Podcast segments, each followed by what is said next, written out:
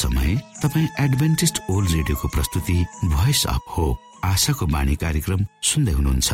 कार्यक्रम प्रस्तुता म रवि यो समय तपाईँको साथमा छु। आफ्ना प्यारा श्रोताहरूको न्यानो माया र धेरै उत्साह दिने सकारात्मक प्रतिक्रियाहरूको सङ्गालो साथै लिएर आशाको बाणी कार्यक्रम डाँडा काँडा गाउँ बेसी हिमाल मधेस सुन्दर नेपालको सबै नेपालीलाई अनि मातृभाषा नेपाली बोल्ने अनि बुझ्ने प्रवासी नेपाली माझ पनि एउटा मन पर्ने कार्यक्रमको संज्ञाका साथ अगाडि बढिरहेको छ।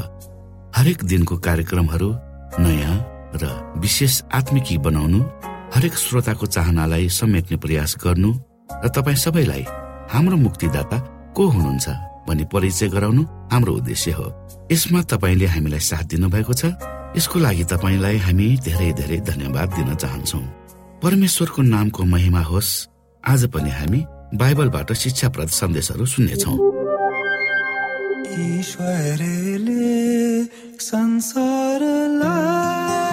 यस्तो प्रेम गर्नु भयो आफ्नै एउटै पुत्रलाई हाम्रो निम्ति दिइहाल्नु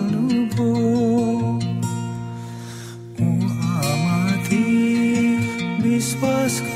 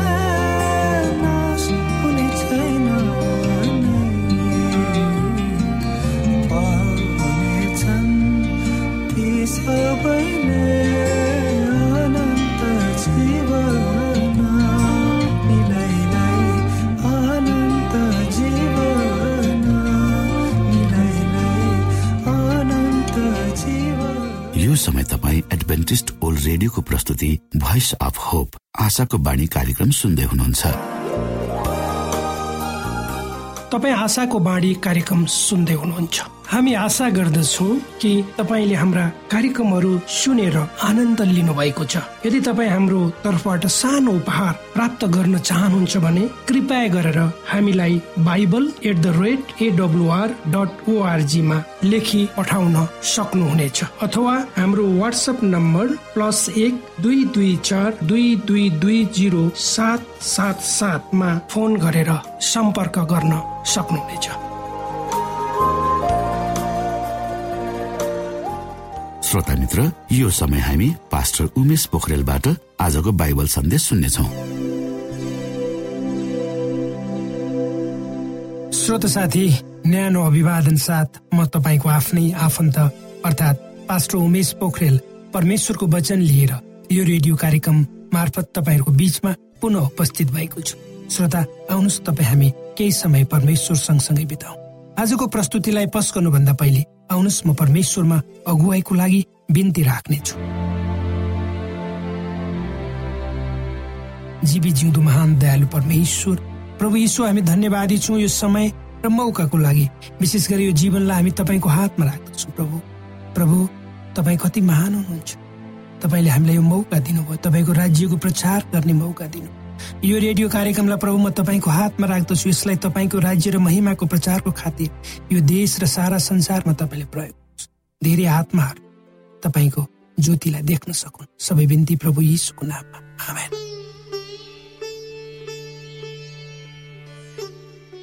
श्रोत साथी मेरो छोरो सोलोमन राजा दाउद विनम्रतापूर्वक एवं कडा रूपमा प्रस्तुत हुन्छन् र भन्छन् अनि तिमी सोलोमन मेरो छोरा चाहिँ तिम्रा पिताका परमेश्वरलाई आफ्नै ईश्वर मान र सारा हृदय र राजी खुसीको मनले उहाँको सेवा गर किनभने परमप्रभुले हरेकको हृदय जाँच्नुहुन्छ र मानिसको हरेक विचारलाई थाहा पाउनुहुन्छ। यदि उहाँलाई खोज्यो भने तिमीले उहाँलाई भेट्टाउनेछौ।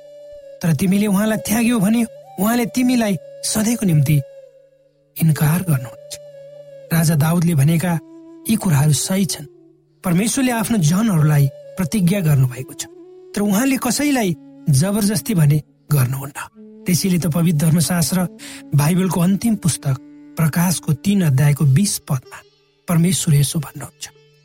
हेर म ढोकामा उभिएर ढकढक्याउनेछु कसैले मेरो स्वर सुनेर ढोका खोलिदियो भने म त्यस कहाँ भित्र पस्नेछु र त्यससँग भोजन खानेछु र त्यसले मसँग खानेछ। परमेश्वर हामीलाई आशिष दिन चाहनुहुन्छ र हामीसँग रहन पनि चाहनुहुन्छ। त्यसकारण हामीले आफ्नो तर्फबाट आफूलाई ठिकठाक राख्नुपर्छ। हामीले परमेश्वरसँगको आफ्नो सम्बन्धलाई बलियो बनाउनु पर्छ परमेश्वरसँगको सम्बन्धलाई ठिक राख्न हामीले आफ्नो हृदयलाई सही रूपमा परमेश्वरलाई खोज्ने काममा लगाउनु पर्छ यदि हामीले सही अर्थमा परमेश्वरलाई खोज्यौँ भने अवश्य नै भेट्टाउनेछौँ यो प्रतिज्ञा जसले परमेश्वरलाई ग्रहण गरेका छन् जसले ग्रहण गरेका छैनन् सबैको निम्ति हो। जो जसले परमेश्वरलाई ग्रहण गरेका छन् तिनीहरूले उहाँको निमन्त्रणालाई स्वीकार गरेका छन्। त्यसै गरी सोलोमन राजाले परमेश्वरसँग आफ्नो बाचा बाँधे। त्यही बाचा अनुसार उनी हिँड्नु पर्थ्यो। प्रभु येसुलाई धेरै नामहरूद्वारा पुकारिन्छ। त्यो मध्ये एउटा नाम इमानुय जसको अर्थ परमेश्वर हामी। अरू कतै पनि परमेश्वरको लागि यो नाउँबाट पुकारा गरेको हामी पाइन। हाम्रो परमेश्वर आफ्ना सन्तानहरूसँग रहन चाहनुहुन्छ अर्थात् तपाईँ र मसँग रहन चाहनुहुन्छ यदि हामीले आफूलाई उहाँको नजिक बनाउन उहाँको खोजी गर्यो भने उहाँले हामीलाई उहाँको नजिक लानुहुन्छ। यो परमेश्वरको निमन्त्रणा हो जो हाम्रो सृष्टिकर्ता हुनुहुन्छ। र हामी उक्त निमन्त्रणालाई स्वीकार गर्न मात्र सक्छौँ। त्यसैले आजै उहाँलाई खोजौँ र आफ्नो जीवनको केन्द्रबिन्दु उहाँलाई बनाऊ। उहाँ हाम्रो निम्ति पर्खी बस्नु भएको छ। त्यसकारण हाम्रो निम्ति खोली राखिएको ढोका भित्र अहिले नै हामी पसौँ ढिल नगरौँ। श्रोत साथी पवित्र धर्मशास्त्र बाइबलको भजन सङ्ग्रह एक सय एक्काइस अध्यायको आठ पदमा भजन सङ्ग्रहका लेखकले परमेश्वरलाई हाम्रा रक्षक हुनुहुन्छ भनी यसरी भन्छन्। तिमी बाहिर जाँदा र भित्र आउँदा परमप्रभुले तिम्रो रक्षा गर्नुहुनेछ। अहिले अनि सदाकालसम्म कस्तो सुन्दर दैवीय संरक्षणको भरोसा तपाईँ हामीलाई दिएको छ। जब हामी आफ्नो जीवनलाई उहाँमा हिँडाउन तयार हुन्छ। यसको सुरुवात यसको सुरुवातमा भजन सङ्ग्रहका लेखकले भन्छन् पर्वतहरूतिर म आफ्ना आँखा उचाल्दछु। मेरो गुहार स्वर्ग र पृथ्वी सृजना गर्नुहुने परमप्रभुबाट आउँछ। उहाँले मेरा खुट्टा चिप्लन दिनु हुने छैन र उहाँ कहिले उम्नु पनि हुने छैन। श्रोत साथी आत्मिकी अर्थमा हेर्ने भने पहाडलाई एउटा धार्मिक यात्रीले सामना गर्नुपर्ने समस्यालाई इङ्गित गर्दछ। यी पदहरूले उक्त यात्रीको आत्मिकी जोस जाँगर र गतिलाई कम गर्दै शिथिल पार्दछ। तर परमेश्वर यी मानिसहरूलाई मद्दत गर्न सदैव तयार हुनुहुन्छ। यी वचनहरू तपाईँ हाम्रो निम्ति उत्साहका वचन हुन्। किनकि हामीहरू एउटा यात्रामा छौँ अर्थात् परमेश्वरको राज्यतर्फको यात्रामा। यो यस्तो यात्रा हो जसले हामीलाई आत्मिकी रूपमा दृढ बनाई। शक्तिको मुहानसँगको सम्बन्धलाई अटुट राखी उहाँको निर्देशनमा हिँडाउँछ जब हामी यात्रामा हुन्छौँ त्यसको दौरानमा आइपर्ने विभिन्न बाधा अवरोधहरूको कारणले बाटैमा हामी हराउन स्वाभाविक हो हामी कति हराउँछौँ पनि। त्यसको साथै यात्राको दौरानमा हताश निराश पनि हुनु स्वाभाविक स्वाभाविकै मान्नुपर्छ। किनकि हाम्रा यात्रामा हामीले धेरै पहाडहरू अवरोधहरूलाई निरन्तर रूपमा सामना गरि नै रहनुपर्छ। यो पनि सम्भावना छ कि हामी आफ्नो यात्राको क्रममा गल्ती गर्दछौँ। तर हामीले चिन्ता गर्नु आवश्यक छैन।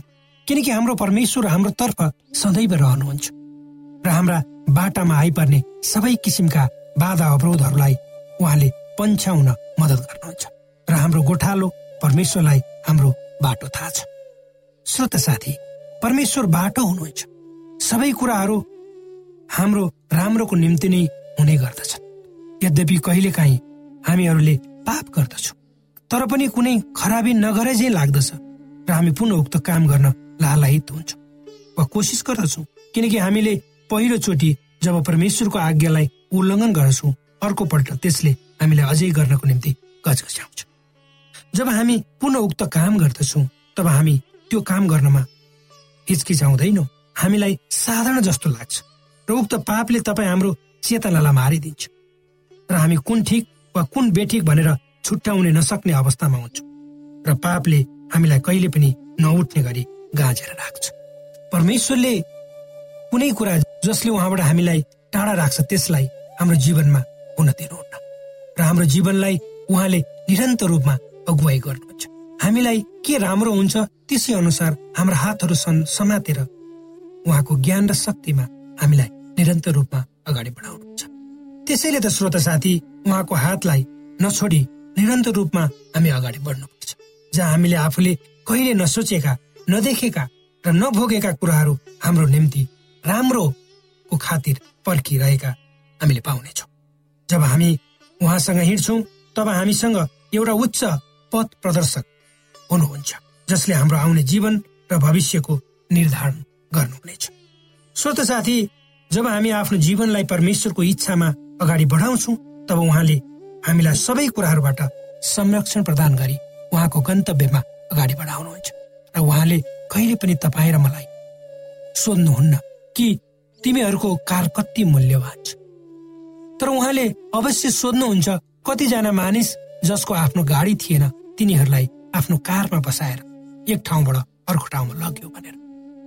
त्यसै गरी परमेश्वरले तपाईँ र मेरो घर कति तले र कति रोपनीमा बनेको छ भने कहिले पनि सोध्नुहुन्न। तर कतिजना मानिसहरूलाई तपाईँ र मैले आफ्नो घरमा स्वागत गर्यो। त्यो पक्कै सोध्नुहुन्छ। परमेश्वरले तपाईँ र मेरो घरमा कति महँगा र राम्रा लुगा छन् भने नसोध्नु होला तर कतिजना मानिसहरू जो नाङ्गा थिए तिनीहरूलाई तपाईँले लुगा दिनुभयो भनेर अवश्य सोध्नुहुन्छ परमेश्वरले तपाईँ र मेरो तलब कति धेरै रहेछ भने सोध्नुहुन्न। तर उहाँले सोध्न सक्नुहुन्छ कि उक्त तलब प्राप्त गर्न तपाईँले आफ्नो चरित्र बेच्नुभयो वा भएन भनेर परमेश्वरले तपाईँको काम कति सानो रहेछ भनी भन्नुहुन्न। तर तपाईँले आफूलाई दिएको जिम्मेवारी राम्ररी वहन गर्नुभयो कि भएन अवश्य सोध्नुहुन्छ। त्यसै गरी परमेश्वरले तपाईँका कति साथी थिए भनी प्रश्न नगर्नुहोला तर कति मानिससँग तपाईँको मित्रता थियो त्यो अवश्य सोध्नुहुन्छ।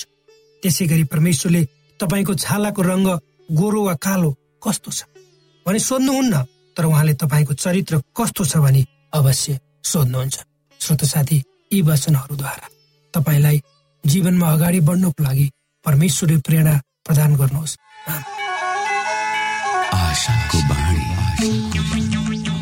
श्रोता भर्खरै यहाँले पास्टर उमेश पोखरेलबाट बाइबल वचन सुन्नुभयो। यो समय तपाईँ एडभेन्टिस्ट ओल्ड रेडियोको प्रस्तुति भोइस अफ होप आशाको बाणी कार्यक्रम सुन्दै हुनुहुन्छ।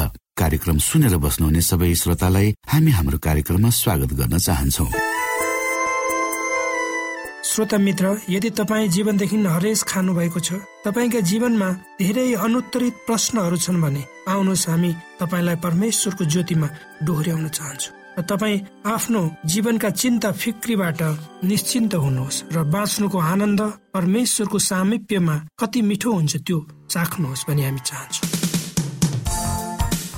श्रोता यदि तपाईँ आशाको बाणी कार्यक्रमलाई अनलाइन सुन्न चाहनुहुन्छ वा डाउनलोड गर्न चाहनुहुन्छ भने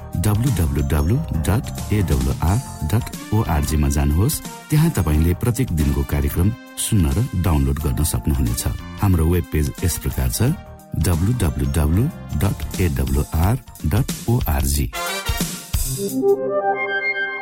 श्रोता यदि तपाईँ हामीसित सिधै फोनमा सम्पर्क गर्न चाहनुहुन्छ भने हाम्रा नम्बरहरू यस प्रकार छन्। अन्ठानब्बे एकसाठी पचपन्न शून्य एक सय बिस. अन्ठानब्बे एकसाठी पचपन्न शून्य एक सय बिस. र अर्को अन्ठानब्बे अठार त्रिपन्न पन्चानब्बे पचपन्न. अन्ठानब्बे अठार त्रिपन्न पन्चानब्बे पचपन्न। यो एडभेन्टिस ओल्ड रेडियो हो। तपाईँ आशाको बाणी कार्यक्रम सुन्दै हुनुहुन्छ। यस सम्बन्धी थप जानकारीको लागि कृपया गरेर हामीलाई सम्पर्क राख्न सक्नुहुनेछ। हाम्रो इमेलको ठेगाना Bible at the rate A W R dot O R G अर्थात् B I B L E at A W R dot O R G हो। तपाईँ हामीलाई हाम्रो वाट्सएप नम्बर प्लस एक दुई दुई चार दुई दुई दुई जिरो सात सात सातमा पनि कल गरेर सम्पर्क राख्न सक्नुहुनेछ। अर्थात् प्लस एक दुई दुई चार दुई दुई दुई जिरो सात सात सात। यो आशाको बाणी रेडियो कार्यक्रम हो। म धनलाल राई यहाँहरूलाई यस कार्यक्रममा न्यानो स्वागत गर्दछु। आज म तपाईँको बीचमा बाइबल सन्देश लिएर आएको छु। आजको बाइबल सन्देशको शीर्षक रहेको छ यशुको विजयलाई ग्रहण गर्नु। बाइबलमा चित्रण गरेको अनुसार शैतानसँगको युद्धमा यसु कहिले पनि हार्नु भएन। उहाँ शक्तिशाली विजेता वा योद्धा हुनुहुन्छ। उहाँले दुष्ट खराब तत्वहरूमाथि जित्नु भएको थियो। शैतानको सबै छलकपट र परीक्षाहरूबाट यीशुले विजय पाउनु भएको भन्ने एक पक्ष हो भने ख्रिसको त्यो विजय हाम्रो पनि विजय हो भनेर विश्वास गर्नु अर्को पक्ष हो। प्रकाश बाह्र अध्यायको दसलाई हामी हेर्न सक्छौ। तपाईँलाई दोष दिनेलाई तल फ्याँकियो भन्ने कथनले तपाईँलाई कस्तो साहस दिन सक्छ? तब मैले स्वर्गमा यसो भनिरहेको एउटा ठुलो आवाज सुने। अब हाम्रा परमेश्वरको मुक्ति शक्ति राज्य र उहाँका ख्रिसको अधिकार आएको छ। किनकि हाम्रा भाइहरूलाई दोष लगाउने जसले हाम्रा परमेश्वरको सामुन्ने तिनीहरूलाई दिन रात दोष लगाउँदछ। त्यो तल फ्याँकिएको छ। हुन त यस पृथ्वीमा युद्ध क्षेत्र भएर घमासान संग्राम त भइरहेको छ। तर याद गर्नुहोस् शैतान हारिएको शत्रु हो। यसको प्रमाण के हो त? मानव इतिहासको निर्णायक घडीमा यीशुले विजय पाउनु भएको तथ्य त छन् तर हाम्रो जीवनमा नै शैतानका शक्तिहरू अधिकारहरूसँग जितेर टाउको माथि राखिरहन सक्नु नै त्यो विजयको प्रमाण हो। कतिपय इसाईहरू हारेको जीवन बिताइरहेका छन्। तिनीहरूले आफ्ना कुनै खराब बानी र मनस्थितिलाई जित्न आशा गर्दछन्। तर तिनीहरूको जीवनमा ख्रिस्टले पाउनु भएको विजयको वास्तविकतालाई तिनीहरूले अझसम्म कहिले बुझ्न सकेको छैन भनेर तिनीहरूले देखाइरहेका छन्। हामीले विजय पाएका छौँ भन्ने आश्वासन यसुले प्रकाश बाह्र अध्यायको एघारमा कसरी व्यक्त गरिएको छ हामी हेर्न सक्छौ। तिनीहरूले थुमाको रगत र आफ्ना गवाईको वचनको कारण त्यसलाई जितेका छन्। र तिनीहरूले मृत्यु समय पनि आफ्नो ज्यानको माया राखेनन्। सातवटा चर्चहरूलाई दिएका सन्देशहरूमा सात पल्ट जसले जित्छ भन्ने आश्वासन प्रकाशको पुस्तकमा उल्लेखित गरिएको छ। यहाँ प्रकाश बाह्र अध्यायको एघारमा जित्ने भन्ने धारणा फेरि दिएको पाइन्छ। जित्नु भन्ने शब्द सुरुको भाषामा निकाओ हो। यसको अक्षरस अनुवाद विजय प्राप्त गर्नु सामना गर्न सक्नु जित्नु वा विजय उल्लास भएर निस्कनु हो। हामी कसरी विजय पाउन सक्छौ भनेर प्रकाश बाह्र अध्यायको एघारमा केलाएर हामी हेर्न सक्छौ। थुमाको रगतले मात्रै हामी विजय पाउन सक्छौ। प्रकाश पाँच अध्यायको छमा योहन्नाले आफ्नो भविष्यवाणीको दर्शनमा स्वर्गमा उनको आँखा जान्छन् र मारिएको जस्तो थुमालाई उनले देख्दछन्। सारा स्वर्ग र जगतको ध्यानको केन्द्रबिन्दु नै यसु भएको यसु ख्रिसको बलि थियो। क्रुस जस्तो परमेश्वरको प्रेमको प्रदर्शन अरू कुनै विशिष्ट उत्कृष्ट अनन्त असीम र नाप्न नसक्ने अरू केही छैन। जब ख्रिस्टले हाम्रो निम्ति के गर्नुभयो भनेर हामीले विश्वासद्वारा ग्रहण गर्छौँ तब हाम्रो ऋण चुक्ता भइसकेको हुन्छ र परमेश्वरको सामु सिद्ध र निर्दोष हुँदै निरसात उभिरहेका हुन्छौँ। हाम्रा पापहरू क्षमा भइसकेका हुन्छन् र भाइहरूलाई दोष दिनेलाई तल फ्याँकिएको छ। हामी उद्धार पाएका छौँ हामी विजेता हौ र मुक्ति पाएका छौँ। तर हाम्रो कुनै असल काम धर्मकर्म र प्रयासले होइन किनभने हाम्रो निम्ति यसुले विजय पाउनु भएको थियो।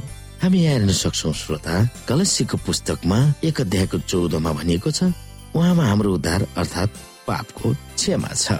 यसै गरी हामी एफिसीको पुस्तकमा पनि हेर्न सक्छौ एकको साथमा उहाँको अपार अनुग्रह अनुसार ख्रिसको रगतद्वारा हामी उहाँमा उद्धार हाम्रो पापको क्षमा पाउँदछौ। यति मिठो परमेश्वरको वचन हामीसँग छ। यसै कारण श्रोता हामी जो जो उहाँमाथि विश्वास गर्दछौ हामीले अघिबाटै विजय प्राप्त गरिसकेका छौँ र ख्रिस्टले हामीलाई विजय बनाइसक्नु भएको छ।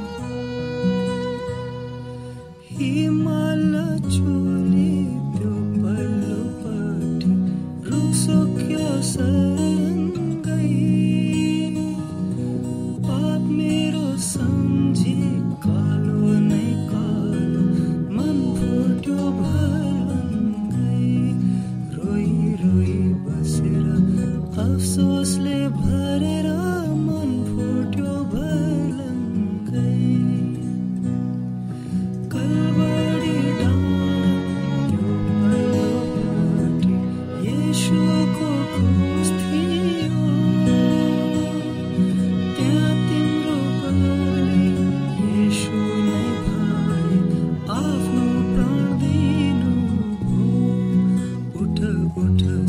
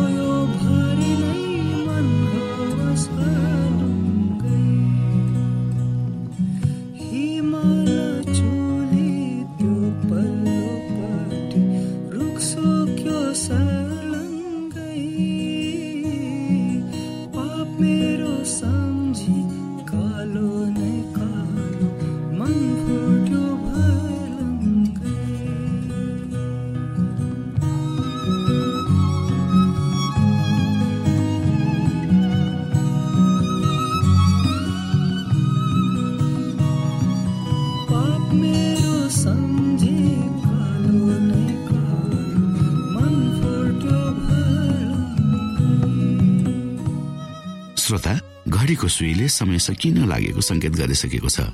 श्रोतासँग अरू समय बिताउने चाहना हुँदा हुँदै पनि हामीले कार्यक्रमबाट विदा माग्ने समय आइसकेको छ। हाम्रो कार्यक्रमको विषयमा जानकारी लिनको लागि हाम्रो कार्यक्रममा सम्पर्क गर्नका लागि हाम्रो ठेगानाको बारेमा यहाँलाई जानकारी गरौं। आशाको बाणी पोस्ट बक्स नम्बर दुई शून्य शून्य शून्य दुई काठमाडौँ नेपाल। यसै गरी श्रोता यदि तपाईँ हामीसित सिधै फोनमा सम्पर्क गर्न चाहनुहुन्छ भने हाम्रा नम्बरहरू यस प्रकार छन्। अन्ठानब्बे एकसाठी पचपन्न शून्य एक सय बिस। अन्ठानब्बे एकसाठी पचपन्न शून्य एक सय बिस। र अर्को अन्ठानब्बे अठार त्रिपन्न पन्चानब्बे पचपन्न। अन्ठानब्बे अठार त्रिपन्न पन्चानब्बे पचपन्न। श्रोता तपाईँ हामीलाई इमेल पनि गर्न सक्नुहुन्छ।